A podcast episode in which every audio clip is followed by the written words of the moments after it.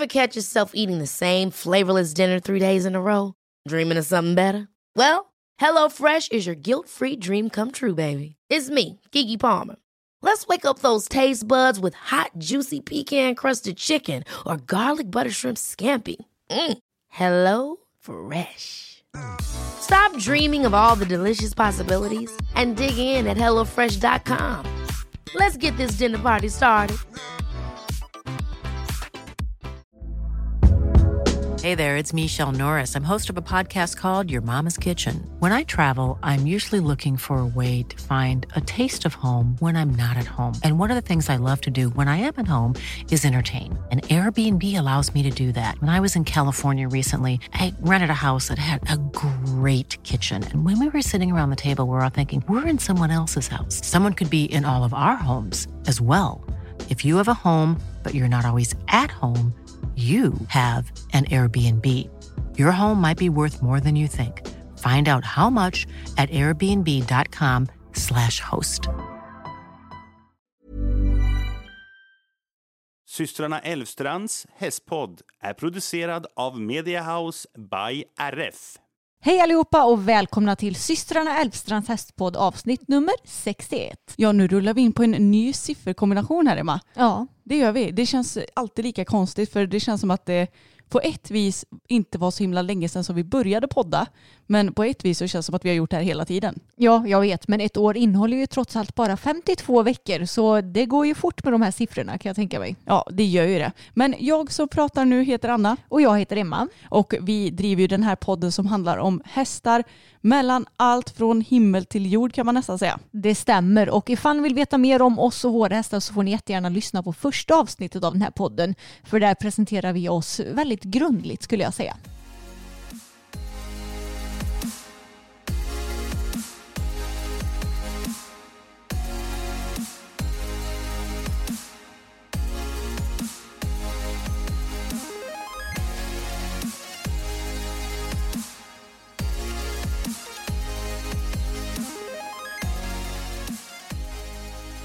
Men hur är läget med dig då Emma? Jo men det är bra får jag säga. Nu har jag ju blivit av med mitt ena kroppsliga problem. Det vill säga jag behöver inte ha binda längre. Woho!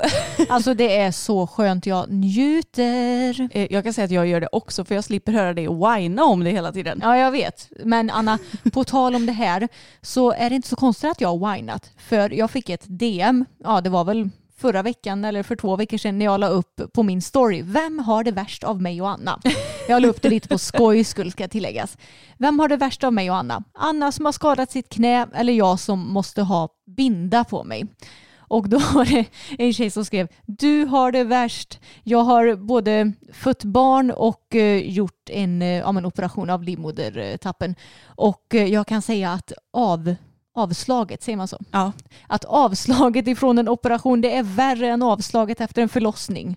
Är det sant? Ja, jag vet inte. Enligt den här tjejen i alla fall. Mm. Ja, okej. Så du kanske förstår att jag har whinat när jag har gjort två operationer inom loppet av tre månader. Ja, alltså jag tycker ju synd om dig gumman. Det är Mm. bara att det, det är skönt att slippa det här bindköttet nu. Jag vet, men jag har ju istället fått ett annat kroppsligt problem. Och vad är det nu då?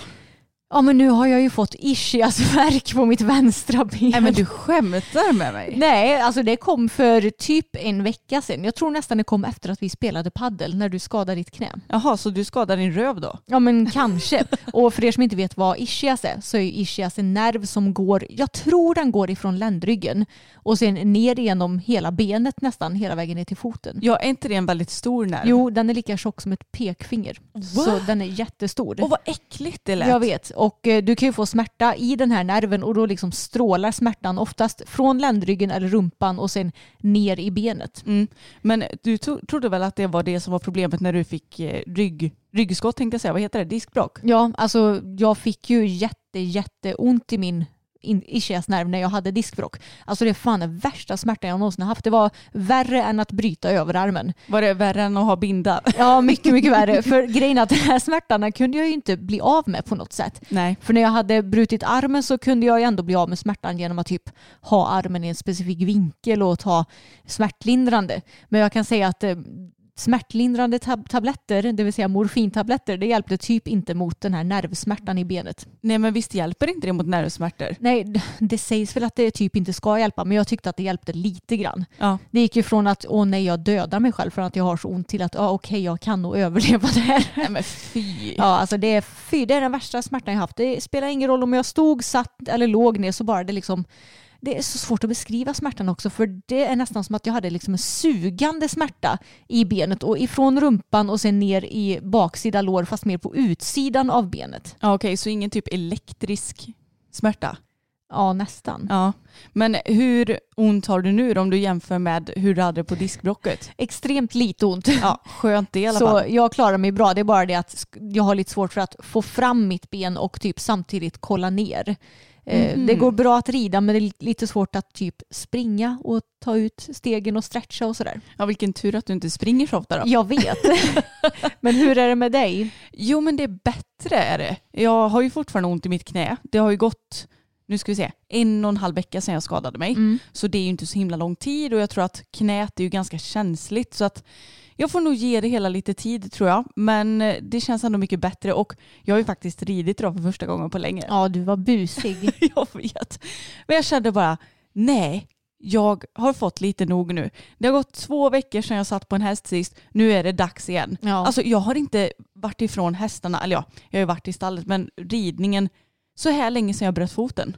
Nej, du har ju kanske varit lite mindre skadedrabbad än vad jag har varit tror jag. Ja, verkligen. Jag skadar mig ju typ aldrig. Peppar Nej. peppar. Ja, nu har jag gjort det så nu behöver jag inte säga peppar peppar. Nej, så att jag kravlade mig upp på Tage barbacka med barbackapadden då. Och alltså det gick jättebra att rida. Mm. Jag är är så förvånad över hur lite det kändes i knät. Och nu kanske ni tänkte bara, men gud du är ju helt puckad som rider när du har ont i knät. Men jag har inte så ont längre. Det är mest att jag inte kan sträcka ut benet helt hundra och Mm. jag känner att jag kanske inte behöver belasta det liksom så som jag brukar utan man får ta det lite försiktigt liksom. Men så tänkte jag barbackaridning, då blir det ju ingen belastning i knät och jag får bara se till att inte typ klämma för mycket med knäna och använda det benet för mycket. Men det löste jag som så att jag tog ett litet spö.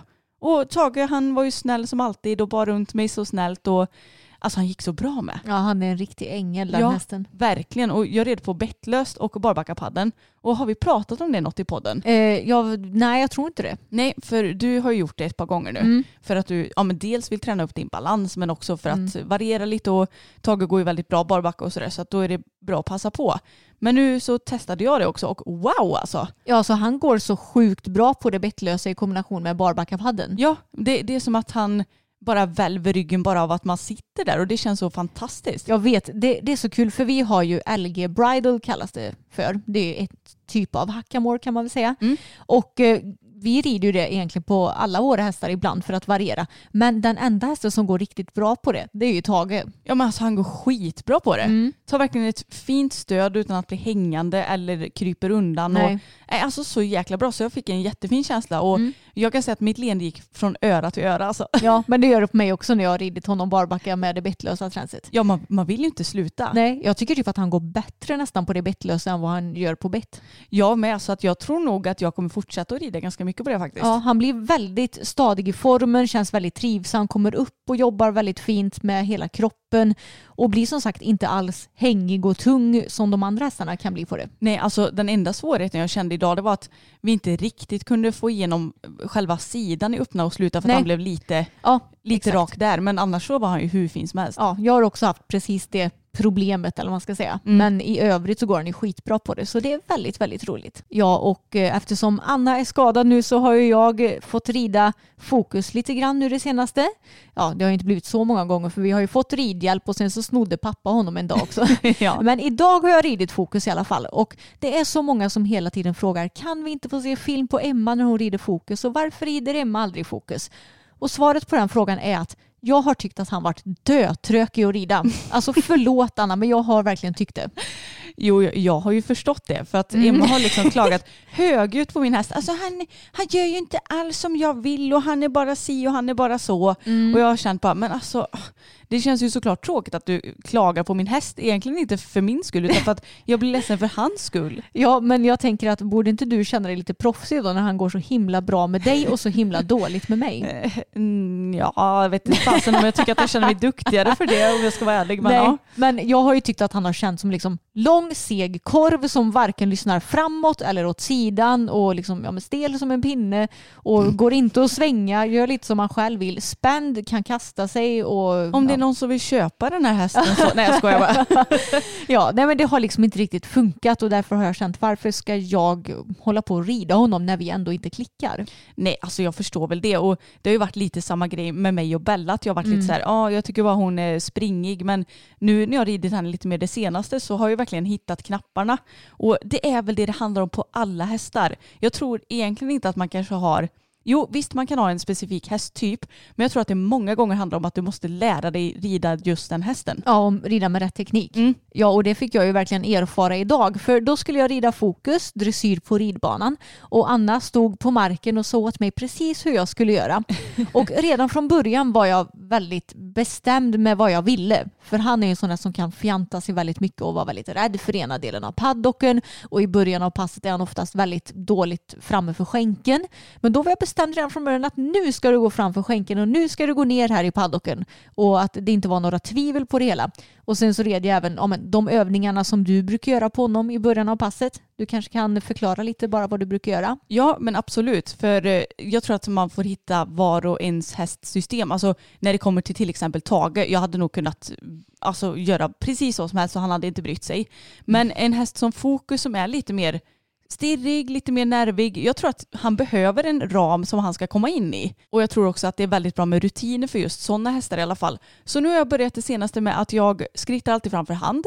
Och sen så när jag har suttit upp i skritten så brukar jag börja med att göra en del halter och bara volter och lite skänkelvikningar. Alltså ganska basic så bara komma igång lite, han får titta av sig lite på paddocken. Men sen kommer vi egentligen till den viktigaste delen och det är när jag sätter igång honom i trav. Då är det baske mig att han ska fram.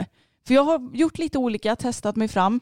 En viss, en viss period så hade jag att jag bara lät honom lalla runt i den traven han valde först. Men jag tycker att han bara blir stirrigare, att han bara blir segare och att han bara, han blir liksom i sin bubbla. Istället för att jag ska få honom in i vår gemensamma bubbla så är det som att vi är två enskilda individer, vilket vi ju är, men vi ska ju samarbeta också. Så i början när jag travar så sätter jag en trav som jag vill ha och lyssnar han inte fram så går jag på honom på en gång istället för att hålla på halvmesa. Ja, Och med det så menar jag ju såklart inte att jag sitter och piskar honom med pisken, men ni förstår vad jag menar. Jag lägger på spöet direkt för att jag vill ha en reaktion direkt liksom. Och framförallt så rider jag mycket serpentinbågar i början av passet och det funkar så otroligt bra på honom för att då får man dels koll på bogarna, båda bogarna. Han ska ju följa med mig i bågen men också vara rakriktad däremellan. Och så försöker jag att vara noga med att ha honom framme på skänken och dessutom hinner han ju se hela ridbanan genom de här serpentinbågarna. Ja, precis. Och det var så som jag tänkte idag också när jag red. Och eh, det gav väldigt, väldigt bra resultat för jag fick en helt annan känsla i ridningen mot vad jag fått på honom förut. Och jag insåg i det också att när han väl är framme för skänken då försvinner ju typ alla hans andra problem som jag nämnde tidigare. Ja men jag vet och det är någonting som jag tror att jag insett bara senaste månaderna för att innan har jag varit så här, ja ja framme på skänken det kanske kommer så småningom men nu när jag verkligen har satt ner foten lite grann och blivit så här, nu ska han fram för skänken. Alltså det är så mycket som har lossnat. Ja, verkligen. Och det känns lite som att blir han bara framme på skänken då känns det som att nästan ingenting är omöjligt i princip. Nej, och som sagt, han blir mycket, mycket lättare att flytta för, eh, för skänken. Han flyter på som smör nästan. Och övergångarna blir lättare, han blir lättare att svänga. Alltså när han inte är framme för skänken, jag kan inte svänga honom då. Att bara lägga en liksom 20 meters volt på ridbanan är ju typ en omöjlighet för att han bara skjuter ut bogen och bara nej, jag ska svänga hitåt istället. Ja alltså han är ju inte enkel när han inte är framme på skänken. Nej, det är han inte. Men idag var han verkligen jättefin. Så det var väl skönt för dig att få se mig rida honom med ett leende på läpparna för en gångs skull. Verkligen, det var jätteskönt för den sakens skull och jag kände bara gött att Emma äntligen har hittat hur hon ska rida. Men alltså herregud, det har ju varit likadant för mig i flera år att jag inte hittat Jo. hur jag ska rida. Nej, men nu vet vi det och då kan vi fortsätta så här och då kommer han att utvecklas ännu snabbare tror jag. Ja, det tror jag med. Men det skedde ju ett litet missöde idag på dagens ridpass. Vi kan säga så här, det kom en fågel. det kom en fågel Och eh, jag hann inte ens tänka så låg jag på backen en sekund senare.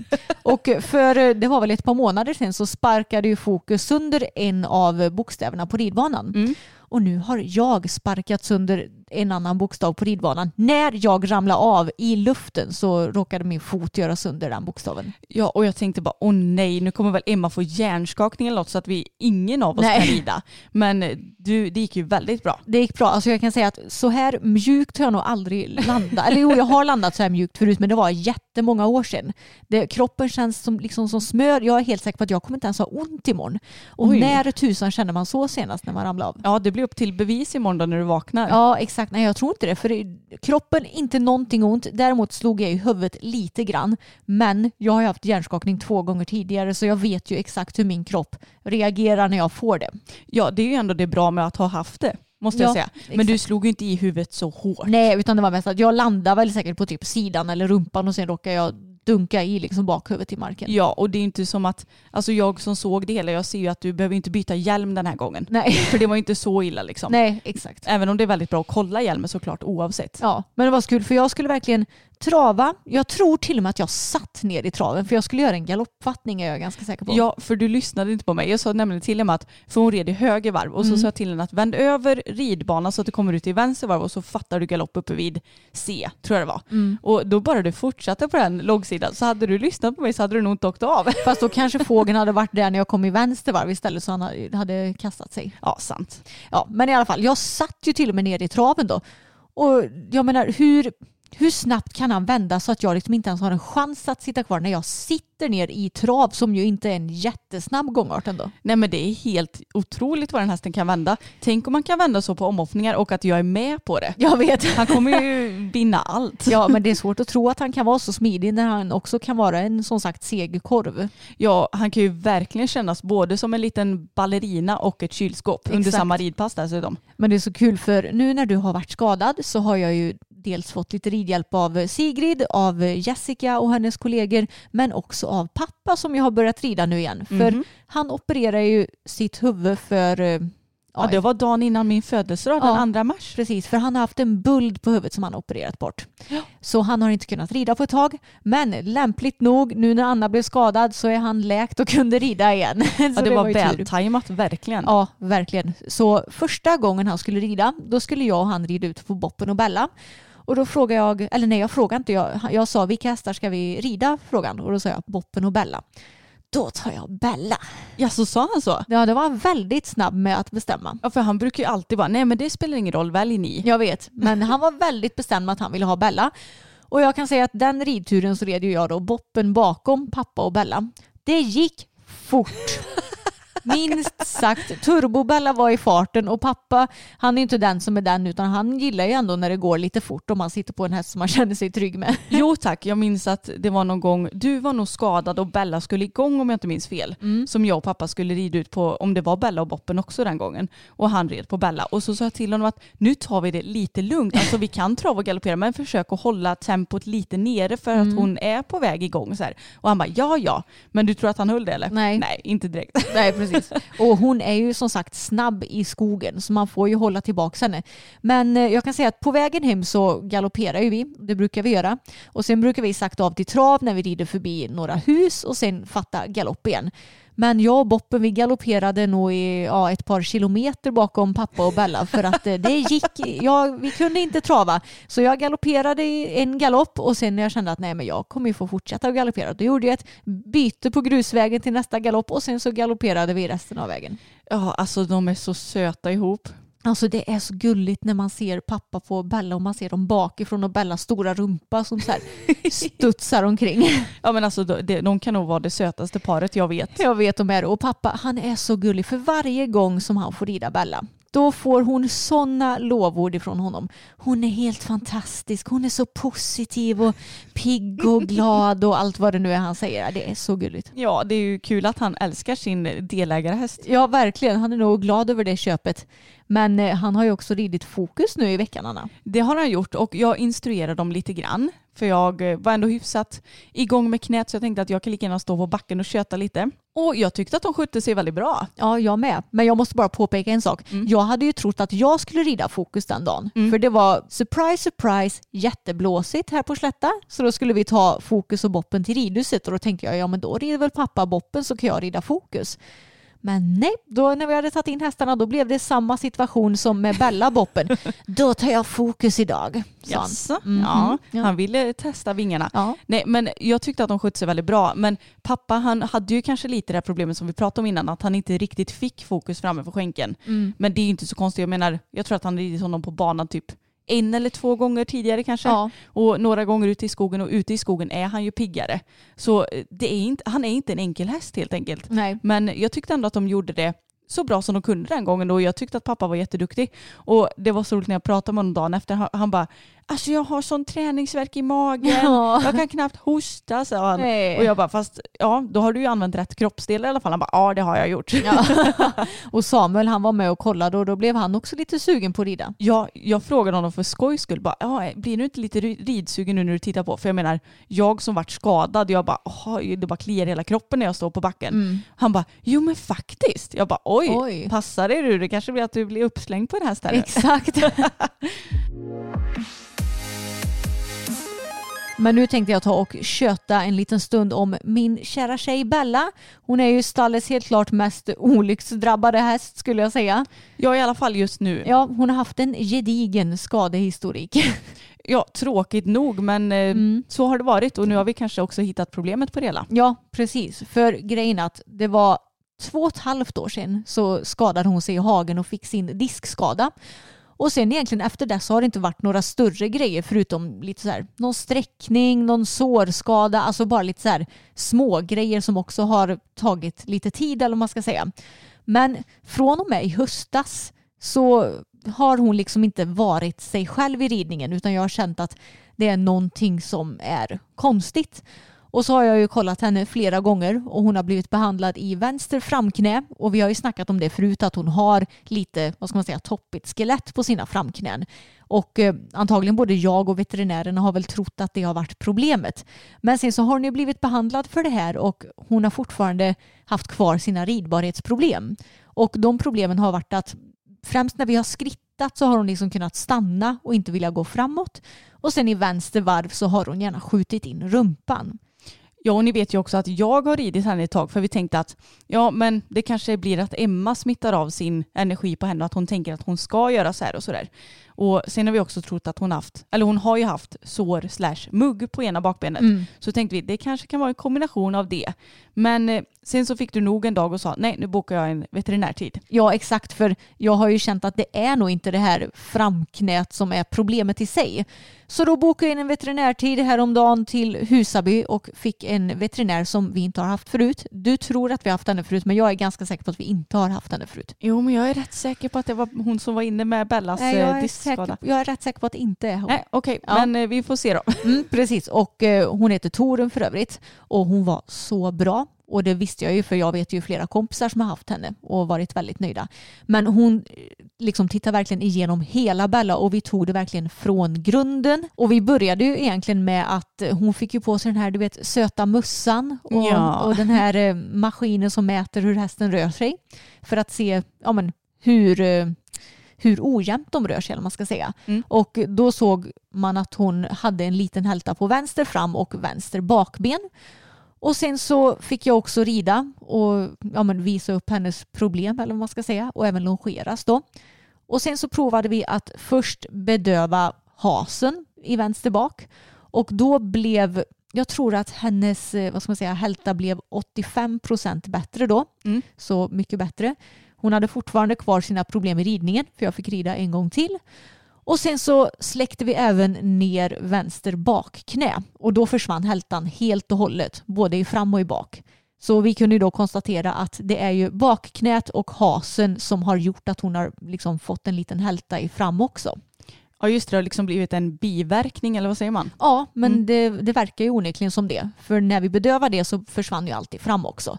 Men trots att eh, ja, men hältan och det var borta så hade hon fortfarande kvar sina problem i ridningen som jag har känt förut. För jag fick rida tre gånger då. en gång efter varje bedövning och en innan. Och då beslutade vi oss för att även kolla igenom ryggen. Och då märkte Torun att hon reagerade lite när hon klämde på ett par ställen och därför så ultraljudades hon och även röntgades ryggen och bäckenet. Och i bäckenet har hon ju sin problematik sedan tidigare men det är ingenting som vi kan göra något åt förutom att liksom hålla igång henne och att hon ska behandlas med ekiterapi och så vidare. Och då när vi kollade upp ryggen så såg vi ju att hon tyvärr har kissing spines på två ställen i ryggen. Mm. Och eh, vet du vad kissing spines är Anna? Ja men jag har faktiskt lite koll. Det är när tornutskotten i ryggen sitter för tätt för det ska ju vara lite mellanrum mellan dem egentligen. Men sitter de för tätt så att de nuddar varandra så kallas det för kissing spines. Ja, exakt. Och det är jättevanligt på hästar, Mm. speciellt på varmblodiga hästar. Jag vet att Torun sa att det, man räknar nog med att typ hälften av alla varmblodiga hästar har kissing spines. Men ofta så upptäcks det ju inte eftersom många hästar inte har problem med dem och du röntgar ju sällan ryggen på hästar så länge du inte misstänker att det är något fel där. Och eh, det finns ju också många hästar som påvisar att de har kissing spines genom kanske olika ridbarhetsproblem men som sedan kan funka att tävla både i låga och höga klasser om de behandlas rätt helt enkelt. Mm. Och förutom kissing spines så hittar de också en inflammation på intervertebralleden vid länden. En led som jag inte har hört talas om förut. Eh, Jag kan nog inga leder på hästarna. Typ. Nej, alltså jag har jättedålig koll på hästarnas kroppar. Men tyvärr. vart sitter den typ då? Ja men länden. Ja, uppe på ryggen eller? Ja, på liksom insidan eller vad man ska säga. Ja, just det. Ja. Så hon hade ju då alltså fyra stycken olika grejer som behandlades. Vänster bakknä, vänster has, eh, kissing spinesen och den här intervertebralleden. Okej, men det här låter ju verkligen som ett riktigt mardrömsscenario, men är det det?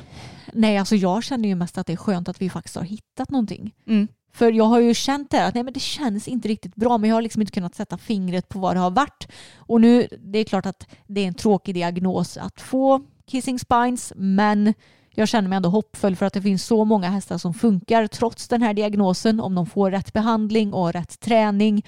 Och jag tror också att vi har bara hamnat i ett riktigt så här ekorrhjul. Att jag vet inte vad som är hönan och vad som är ägget i det här. Vad är det som har börjat och fått det att liksom spinna igång? Men alla de här problemen påverkar ju antagligen varandra. Så nu när vi har behandlat allting så tror jag att det hela kommer bli mycket bättre. Men jag vet ju att du ska på återbesök om, är det fyra veckor? Ja, tre, fyra veckor. Tre, fyra veckor. Ska, tror du att det kommer vara helt bra då eller tror du att de kommer behöva behandla henne igen då? Jag tror att de kommer behöva behandla kissing spinesen igen i alla fall. Mm. För det verkar det som. Men eh, det kan ju hända att jag känner en stor skillnad på henne i ridningen ändå redan nu när allting är behandlat. Mm. Men eh, planen nu i alla fall det är ju att hon ska nu får bara liksom ta det lugnt i ett par veckor. Sen så ska hon longeras och tumlongeras i ett par veckor och sen så ska vi in på återbesök. Men att jag innan återbesöket ska testa att rida i skritt och trav för att se, ja men är de här problemen kvar eller inte? Och sen ska jag även ja men, ta med mig sadel och träns när vi åker på återbesök och se hur det ser ut då och ifall det behövs ska vi även bedöva ryggen också för att se ja, men, om hon beter sig annorlunda då. Mm. Och man kan ju också säga det att du ska rida på banan för det är ju där de här problemen har visat sig. Ja exakt, Mm. de visar sig inte i skogen utan bara på banan. Och det är också därför det är så himla viktigt att ha med sig just sadel och träns och sånt där så man kan rida på veterinärkoller. För ibland så kan det vara så att det är väldigt diffust och man inte riktigt vet vad det är. Men så kan saker visa sig uppsuttet som veterinären kan se. Mm. Så jag skulle säga att vid varje vetcheck ta med träns för det skadar ju verkligen inte. Nej, exakt så det är ett väldigt bra tips. Men det kändes också skönt för Torun sa att de här problemen har inte uppkommit för att jag har ridit dåligt. Utan hon har ju sina kroppsliga bekymmer Bella och det har säkert varit det som har fått igång det hela. Alltså man kan säga att hennes skelett ser liksom inte perfekt ut. Nej. Och det gör det ju typ inte på någon häst visserligen.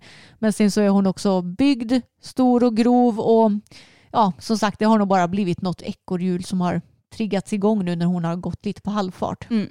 Men jag menar det är bara att kolla på till exempel Tage som har artros på sina ställen och han har pålagringar och han har inte heller en perfekt kropp har vi ju Nej. sett när vi har röntgat honom och det var ju dessutom ganska många år sedan. Ja. Nu har vi inte röntgat honom på länge så Nu vet vi inte om det har blivit värre eller inte. Men han är ju hur fin som helst i ridningen. Ja, precis. Så jag känner mig ändå hoppfull om att hon kan, om man ska kunna hålla ordentligt som ridhäst i framtiden. Mm, det känns väldigt skönt och jag var så orolig när ni var iväg för ni var ju verkligen iväg hur länge som helst. Japp. Och jag kände bara, alltså får jag med en dålig prognos nu eller dåligt besked och så är hon själv där borta för jag menar man får inte vara mer än en på Mm. kliniken. Visst jag hade kunnat åka med och sitta i bilen men jag menar hur kul hade det varit att sitta där i tio timmar typ? Mm. Nej fy fan. Nej så jag kände bara alltså bara hon inte får något dåligt besked nu så får hon tackla det själv. Men så känner jag också att veterinären är ju väldigt bra där i och för sig så att det hade nog gått bra ändå men tack och lov så var det inget så dåligt besked som du fick. Nej, precis det var det ju inte. Och eh, Torun sa också att nu kommer du, ni säkert få massa kommentarer om eh, ja, men dittan och datten och min häst blev inte bra efter kissing spines och bla bla bla. Men ni ska inte lyssna på dem utan Nej. vi får eh, ta det här som det kommer. Ja, ja Torun vet om vad vi sysslar med eller? Ja, ja. Ja, Hennes dotter följer oss. ja just det. Vad kul. Ja.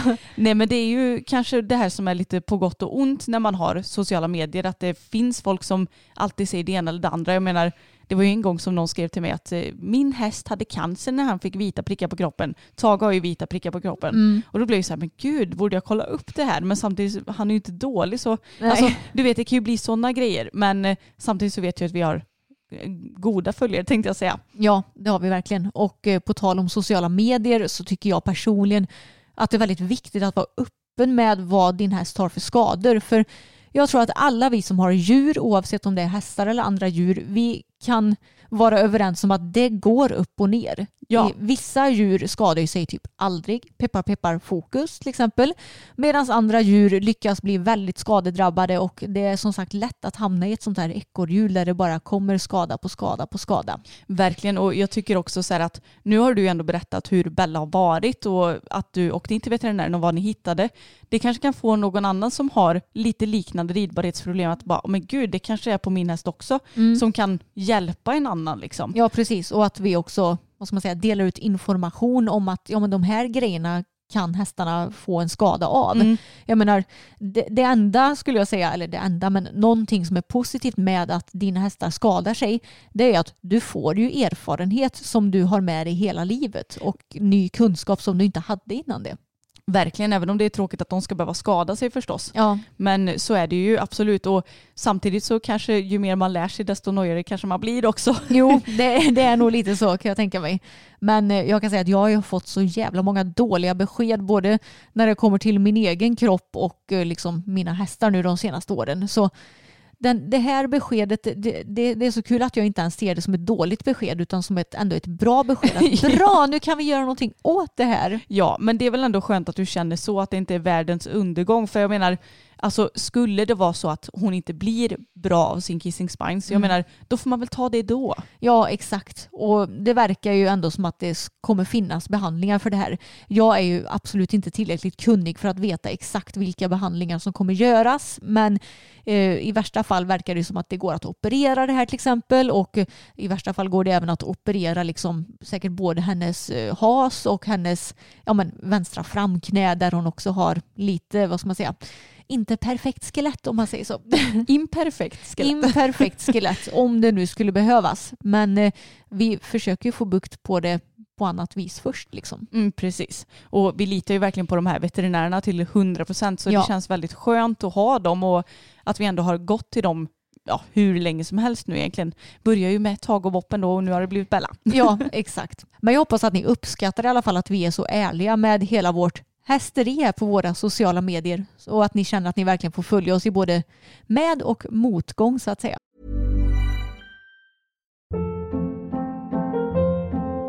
Hold up. What was that? Boring. No flavor. That was as bad as those leftovers you ate all week. Kiki Palmer here, and it's time to say hello to something fresh and guilt-free. Hello Fresh. Jazz up dinner with pecan-crusted chicken or garlic butter shrimp scampi. Now that's music to my mouth. Hello Fresh. Let's get this dinner party started. Discover all the delicious possibilities at hellofresh.com. Many of us have those stubborn pounds that seem impossible to lose, no matter how good we eat or how hard we work out. My solution is PlushCare. PlushCare is a leading telehealth provider with doctors who are there for you day and night to partner with you in your weight loss journey. They can prescribe FDA-approved weight loss medications like Wagovi and Zeppound for those who qualify. Plus, they accept most insurance plans. To get started, visit plushcare.com slash weight loss. That's plushcare.com slash weight loss.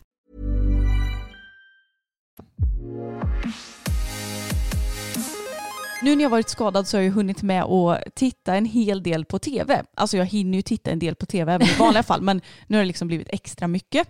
Och något som jag tyckte var väldigt kul, det var att Karl Hedin släppte en klinik på Hästnets YouTube Mm. nu som att jag kunde passa på att titta på. Och den var lång och härlig också. Ja, den har jag också sett. Ja du har det va? Jajamän. Mm. Så då kan vi ta och diskutera den lite tänkte jag.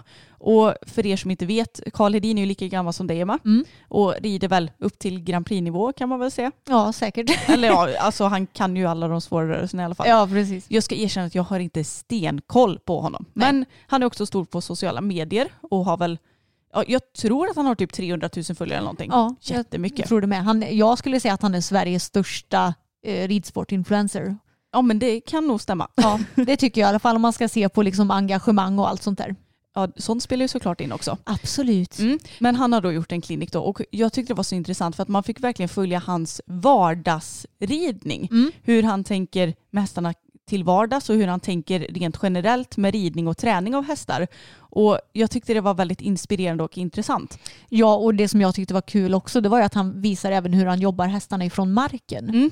Det blev jag ganska, jag vet inte varför jag blev positivt överraskad av det, men det känns som att det är inte alla som håller på och grejer så mycket med hästarna från marken. Nej, och jag tänker, alltså min fördom om typ, inte bara dressyrryttare men så här eh, stall överlag där du jobbar med många hästar. Att det blir lite så här på löpande band. Mm. Att hästskötarna gör ordning hästen och sen hoppar du på rider och sen så mm, får hästen gå tillbaka igen till hästskötaren. Så att du aldrig lägger något liksom fokus på hästen ifrån marken. Och därför tyckte jag det var så himla kul att se Karl göra det. Även om jag såklart vet sedan tidigare att han gör det också. Men det var kul att få se mer hur han jobbar.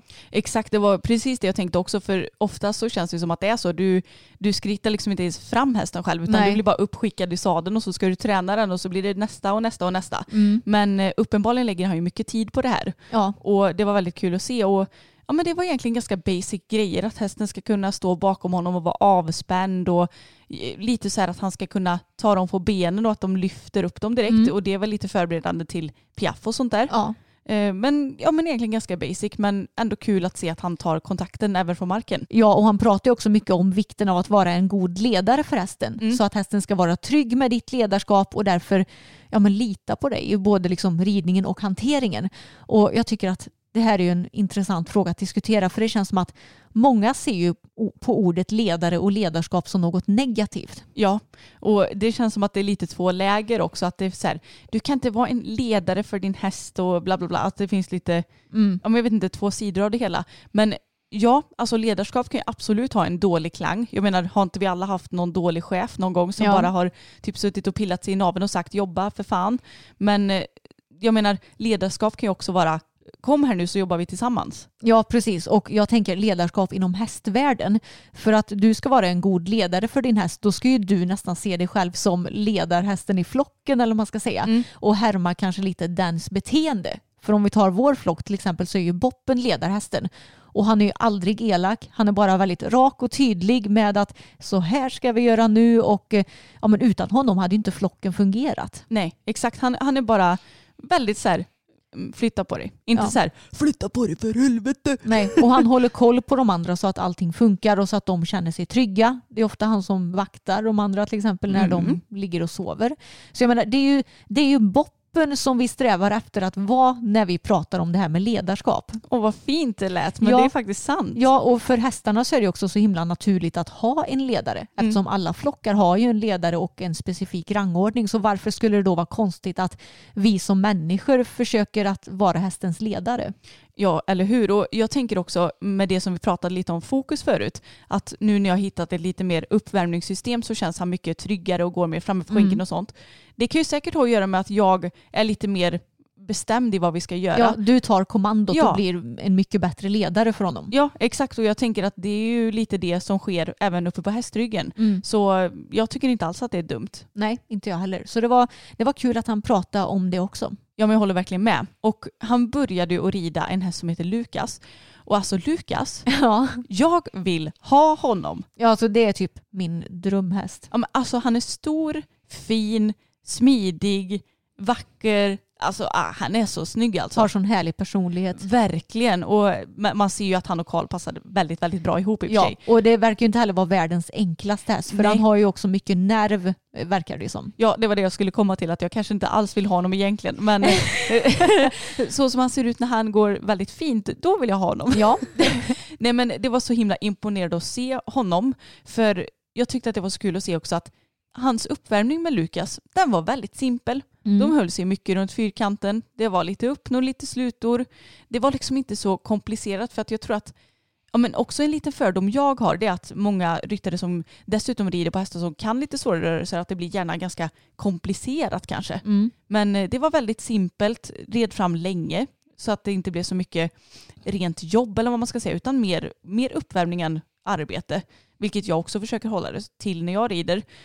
Och sen så tyckte jag också att det var kul att se att han ja, men gärna värmde upp ganska länge utan skrittpaus. Sen gjorde han ett galoppombyte som han sa. Lukas, ja men det är ändå en lite svårare grej för Lukas. Och sen tog han skrittpaus. Mm. Så att han hela tiden körde tills han gjorde något svårt och när hästen hade genomfört det att han tog en skrittpaus så att de verkligen skulle få sin belöning. Brukar du tänka detsamma när du rider fokus till exempel? Ja, jag, jag försöker att tänka så för jag tycker att ofta kan man kanske rida lite för länge innan skrittpausen. Ja, Och att man gärna bara, ah, jag ska bara göra ett byte till eller jag ska bara fortsätta lite till i den förvända galoppen. Så kanske hästen istället får mjölksyra och inte riktigt orkar och slår om i den förvända. Eller ja. du vet, det kan bli att man gärna rider på lite för mycket. Ja, jag tror att det är mycket bättre att ta mikropauser och kortare skrittpauser och göra det när hästen har gjort någonting riktigt bra så att Mm. den som sagt får en belöning. Men det roligaste av allt var ju att se när Karl blev riktigt glad på Lukas och han fick släppa loss lite. Ja, För då längde han ut tygen och bara sa ja du, good boy liksom och så bara ehm, ställer sig upp i lätt sits. Ja typ. och var lite sprudlande själv och alltså Lukas han Mm. drog iväg i galopp och körde lite bockningar och Ja. grejer och slängde med huvudet. Alltså det såg så underbart ut. Och just den grejen ska jag försöka ta med mig till fokus. Ja. För eh, jag eh, tror att Fokus, han är inte riktigt van vid att få så mycket beröm, tror Nej, jag. det tror inte jag heller sen tidigare. Nej, jag berömmer ju honom. Jo. Men jag är ju mer så här att jag säger lite lågt bra och kanske bara stryker lite grann på halsen. Mm. Och det funkar väl absolut. Men jag tänker också, när de har gjort något riktigt jävla bra, då ska Mm. de ju också få en riktig jävla belöning tänker jag. Ja. och ifall du har den här sprudlande energin så kommer den ju också smitta av sig på fokus så att han kanske förstår bättre att oj, nu var jag jätteduktig. Mm, precis. Och det var också det som jag kom på nu att Karl sa när han la in sina skrittpauser efter att ha gjort något svårt som hästen genomfört bra.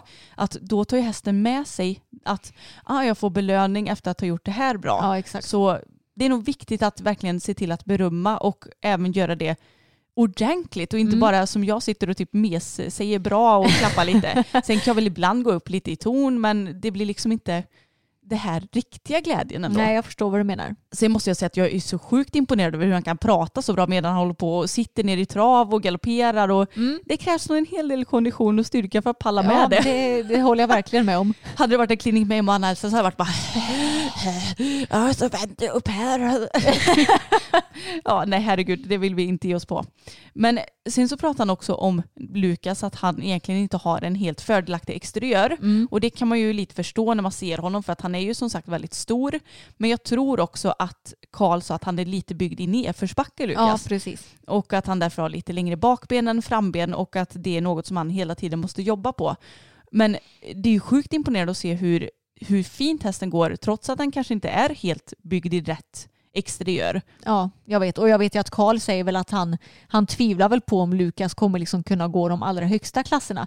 Men det är så kul för Lukas verkar ju vara en favorit hos typ alla Karls följare. Så eh, ja, jag vet inte. Eh, Han, eh, Karl har ju såklart bättre koll än vad vi amatörer har. Men för mig så är ju Lukas hur fin som helst. Ja, verkligen. Jag tycker ju typ att han är en av de finaste hästarna jag sett. Ja, jag vet. Men eh, ja, nej, så det, jag tycker det är intressant att exteriör kanske inte är allt. Sen Nej. får vi ju se om Lukas kan gå hela vägen. Det vet ju inte jag och det vet väl ingen i dagsläget så sett kanske. Nej. Men ja, man kan ju uppenbarligen komma ganska långt trots att hästen inte ser ut precis som den ska. Exakt. Och sen så redan också sin häst Ville som väl är ett år äldre. Ja, åtta. Ja, just det. Än Lukas som är sju. Och det var också intressant. De är ju helt olika varandra. Ja, verkligen. Alltså verkligen som natt och dag. Ville lite mer en, en liten, jag tänkte säga en liten spinkis, det är han ju inte, men lite mer nättare typ av häst. ja, och lite mer timid och blyg känns det som. Mm, känns lite som boppen i psyket. Ja, faktiskt. Eh, Nu har ju inte vi träffat de här hästarna men av ren, eh, bara kollat så. Mm. Eh, Och det var också intressant att se för man fick ju, alltså Lukas, det kändes inte som att han hade några direkta brister rent ridmässigt mer än att han kanske inte hade rätt exteriör. Mm. Men Ville sa han ju var lite mer, ja men kunde dra sig till vänster om jag inte minns fel i bytena till exempel. Mm. Så då vet jag att han pratade en del om det och att han verkligen försökte att få honom rak och inte hålla på och vingla till i framförallt seriebytena tror jag han pratade Mm. om. Och det var också kul att se att de har brister för att det kan ju för en amatör också se så himla enkelt ut för alla andra att rida. Ja. Och det ser ju oftast mycket enklare ut än vad det faktiskt är. Mm. Så det är kul när, när sånt här kommer fram tycker jag. Ja, och jag kan tänka mig att sådana här små detaljer kanske egentligen inte syns från backen men att Karl känner det liksom från ryggen. Och då är det ändå intressant att försöka kanske se vad det är som han menar Mm. och sen hur han löser eller försöker lösa det problemet. Mm. Och han red ju byten på kvartslinjen för att få Ville så rak som han bara kunde. Mm. Och det är också bra. Alltså, vi borde nog alla rida lite mer på kvartslinjen för att få, Mm. få hästen dit man vill tänkte jag säga. För att det är lätt att man kör lite öppna och slutar längs med fyrkantsspåret och får hjälp av staketet till Ja. exempel. Så det är bra att rida innanför spåret på alla sätt och vis. Ja, kvartslinjen den är underskattad. Jag försökte att rida lite på den ja, men när jag red fokus idag. Mm. Och det, ja, det, det blir ju lite svårare att få koll på den här yttersidan men det är väldigt nyttigt som sagt. Men eh, det var väl egentligen våra tankar kring eh, Karls klinik. Mm. Och om den fortfarande ligger kvar på YouTube så kan vi lägga en länk i beskrivningen. Ja, precis. Den var, den var jättebra så vi rekommenderar er verkligen att titta på den. Och eh, sen så tycker jag också att Karl är en väldigt god förebild för andra hästmänniskor och det är som sagt kul att se en ryttare som tävlar så pass höga klasser ändå jobba hästarna mycket från marken, ha en vettig hästhållning och eh, framförallt variera träningen så mycket. Mm, verkligen, det håller jag verkligen med om. Så rekommend, rekommend. Okej, men en sak som jag har tänkt på. Du och jag kanske egentligen borde träna lite mer för tränare än vad vi gör. Jo, det borde vi. Alltså gud, nu har det gått så lång tid sedan jag tränade dressyr sist. Det var i december för övrigt. Mm. Nu är vi inne i april och jag har fortfarande inte tränat dressyr för nu är jag skadad. Ja, nej, vi behöver inte dra det något längre, men det är lite frustrerande såklart. Men jag har tänkt på det här att det finns ju en hel del som faktiskt har tränare vid sin sida hela tiden Mm. inom många discipliner och som kanske står uppstallade hos sin tränare och som har ögonen på sig mer eller mindre varje dag. Mm. Och jag har funderat lite på det för att jag kan tycka ibland att så här, det är väldigt skönt att ha, det behöver inte ens vara en tränare, jag kan ha dig vid min sida och det är ganska skönt att ha dina ögon på sig och att man kan ändå ta hjälp av dig. Men ibland har jag funderat på, är inte det lite hämmande också?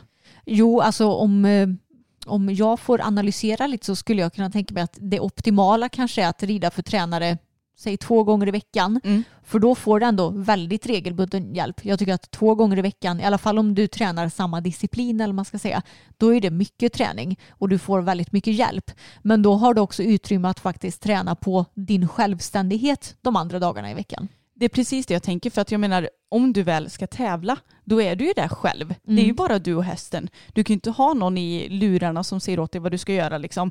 Och eh, om du nästan aldrig tränar på att vara helt själv då kanske det blir en väldigt stor press när du väl blir det. Ja, jag, jag kan verkligen tänka mig det. Och personligen så föredrar jag nog att rida liksom själv ändå relativt mycket för att då får ju jag analysera själv vad händer om jag gör si eller så och jag kan ta med mig tränarens hjälp hem och eh, liksom bli trygg ändå i mitt eget system och i min egen ridning. För som sagt på tävlingsbanan så kan jag ju inte ha med mig någon tränare så då måste jag ju lita på att min egen kunskap räcker där. Precis, och jag tänker att det är kanske lite likadant med speglar. Alltså nu blir det lite brett här med både tränare och speglar. Men är du van vid att ha en spegel som du kan glo in i hela tiden, hur Mm. du sitter och hur hästen går och sånt där. Då litar du till slut inte på din egen känsla. Nej, Jag menar vi har ju aldrig speglar för det finns varken i det ridhuset vi rider i eller Mm. på vår ridbana. Och då får man ju lite lita på sin egen känsla att så här, ja men det känns som att jag sitter bra nu. Och Ja. sen filmar vi ju såklart regelbundet så då kan man ju Precis. se lite mer där. Men jag tycker att vi får nog ändå ganska bra koll på hur vår känsla stämmer överens med hur det faktiskt är. Ja, ja, det är intressant det där med speglar för det känns ju som att folk som har speglar i ridhus och som rider och sen lägger ut filmer på det, det känns som att det enda de gör är att sitta och glå in i de där speglarna Mm. och titta på hur de själva rider. Och då känns det som att då borde ju fokus tappas ifrån själva ridningen lite grann. Ja, eller det kanske är så himla invant så att det bara sker. Men Ja. ändå så, ja det känns som att det kan vara lite hämmande tycker jag. Och jag tror att det bästa är att ha en gyllene medelväg faktiskt när det gäller Ja. båda två. Precis, men hade du velat ha, säg att vi bygger ett ridhus, hade du velat ha en spegel i det ridhuset då? Ja, alltså det hade väl varit bra men samtidigt känner jag ju vi har ju klarat oss utan speglar i paddocken i, vad är det nu, sju år. Ja, exakt. Så det kanske ändå hade kunnat skippas. Ja, Samtidigt som jag förstår syftet. Jo precis, egentligen hade det kanske varit bättre om, ja men nu filmar ju vi regelbundet, men att filmas det är nog kanske bättre för då får du också se en mycket större överblick och när du väl rider så koncentrerar du dig bara på själva ridningen. Mm, exakt. Men det som är bra med speglar är ju att du till exempel kan rida uppridningar och verkligen se nu är hästen Ja rak. exakt. Ja, nu har hästen huvudet lite åt vänster, nu har den lite åt höger. Alltså sådana detaljer. Mm. Så det är ju inte dumt med speglar men man kanske får ha dem uppe ibland och så dra för dem ibland. Ja exakt. Ja, men det är kul för på gymmet till exempel så är det också väldigt mycket speglar. Och det känns ju som att vissa människor de har ju snarare speglarna för att liksom spana in sin kropp och ta liksom så här eh, snygga bilder och allt vad det nu kan vara. Men speglar är ju väldigt bra att ha på till exempel ett gym så att du ser eh, så att du inte gör någon övning fel. Utan så att du har till exempel en rak rygg eller vad det nu än må vara så att du inte skadar dig. Det kan du inte göra på samma sätt i ridningen liksom. Nej, precis. Utan det är ju mer detaljgrejer. Mm. Men jag måste faktiskt säga att trots att du och jag rider så himla mycket ihop så är det ju sällan som vi ger massa konkreta tips till varandra hela tiden. Nej, för vi är ju så himla upptagna med oss själva då. Fy fan vad, vad, vad äckligt det lät tänkte jag säga. Självupptagna. Ja. Nej men det är ju lite så, alltså enda gången jag frågar dig om hjälp det är ju typ om jag ska rida igenom något program och jag vill att du ska kolla till exempel. Mm. Men annars så brukar vi ju sällan ja, men komma med små tips eller inputs till varandra och jag tror att det är ganska bra att vi har den här relationen ändå. Ja, men det håller jag med om. Och jag får säga att det har ju varit praktiskt för mig nu när du har varit skadad för då har ju du kunnat hjälpa mig från backen. Ja och det är ju jättebra ibland och jag tycker egentligen inte att en tränare måste vara så här 20 gånger bättre än dig själv utan vi är ju ändå ganska likvärdiga i vår ridning och Mm. det hjälper oss mycket ändå såklart. Men jag tror faktiskt att hade jag haft en tränare vid min sida 24-7 så hade jag blivit mycket mer osjälvständig och mycket mer osäker när det väl kommer till kritan när jag ska rida själv. Ja, och jag kan tänka mig speciellt med en häst som fokus. Ja, gud. Med honom måste du verkligen vara, vad ska man säga, självsäker i dig själv och i ditt system och lita på att nej men jag klarar av att rida honom själv. Jag behöver inte någon som säger åt mig exakt vad jag ska göra. Ja, verkligen. Så ja, men det är intressant det här och jag tycker ju såklart att det, det hade varit världens möjlighet att ha en tränare hela tiden. Jag Mm. tror att man hade utvecklats mycket också. Ja. Så att det, är inte, det är inte så att jag bara tycker att det verkar dåligt. Nej, men jag tror ju att en gyllene medelväg det är ju bäst när det kommer till det allra mesta här i livet. Mm, det tror verkligen jag också. Ja, men då blir det lite blandat snack i det här avsnittet. Mm. Lite skadehistorik, eller ja, lite ny skadehistorik Ja, snarare. precis. Lite tränarsnack, lite klinik. Ja, Mm. gott och blandat som det Ja. brukar bli. Tyckte det blev ett härligt avsnitt och jag kom på en till lite rolig grej som jag glömde bort att berätta på tal om ja, men Bella på kliniken. Och det är att jag har ju som sagt min ischias smärta och med den så får jag ju svårt att sträcka fram vänster ben. Och det blev ju ganska många löpturer där på löpargångarna och det var inte lätt för jag kände mig ju mer halt än min häst kan jag säga när Ja, jag men sprang där och haltade fram. Det tänkte jag inte ens på att du skulle göra det med det där, nej. Nej, och då kände jag, tänk om jag ramlar nu, för jag har ju liksom inte lika mycket kraft i benet heller och jag har inte lika, lika bra kontroll på det så jag kan ju lika gärna råka lyfta det lite för lite så att jag trillar. Alltså, det hade varit så jävla pinsamt. Ja, men det hade inte varit det pinsammaste jag gjort på en veterinärstation om man säger så.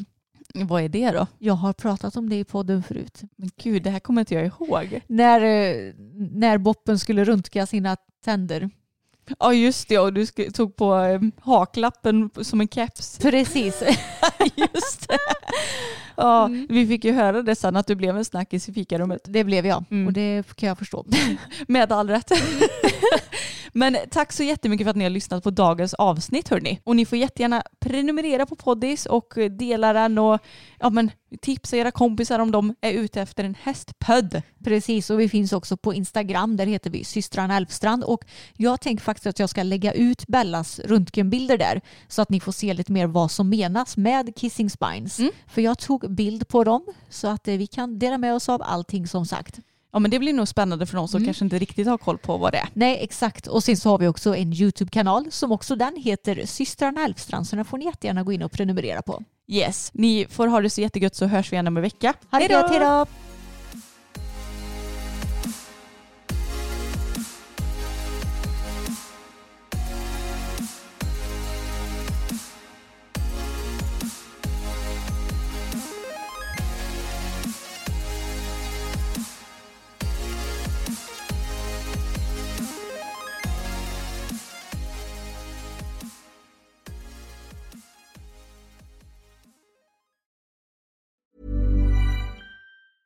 Mom deserves the best, and there's no better place to shop for Mother's Day than Whole Foods Market. They're your destination for unbeatable savings, from premium gifts to show-stopping flowers and irresistible desserts. Start by saving 33% with Prime on all body care and candles. Then get a 15-stem bunch of tulips for just $9.99 each with Prime. Round out Mom's menu with festive rosé, irresistible berry chantilly cake, and more special treats. Come celebrate Mother's Day at Whole Foods Market.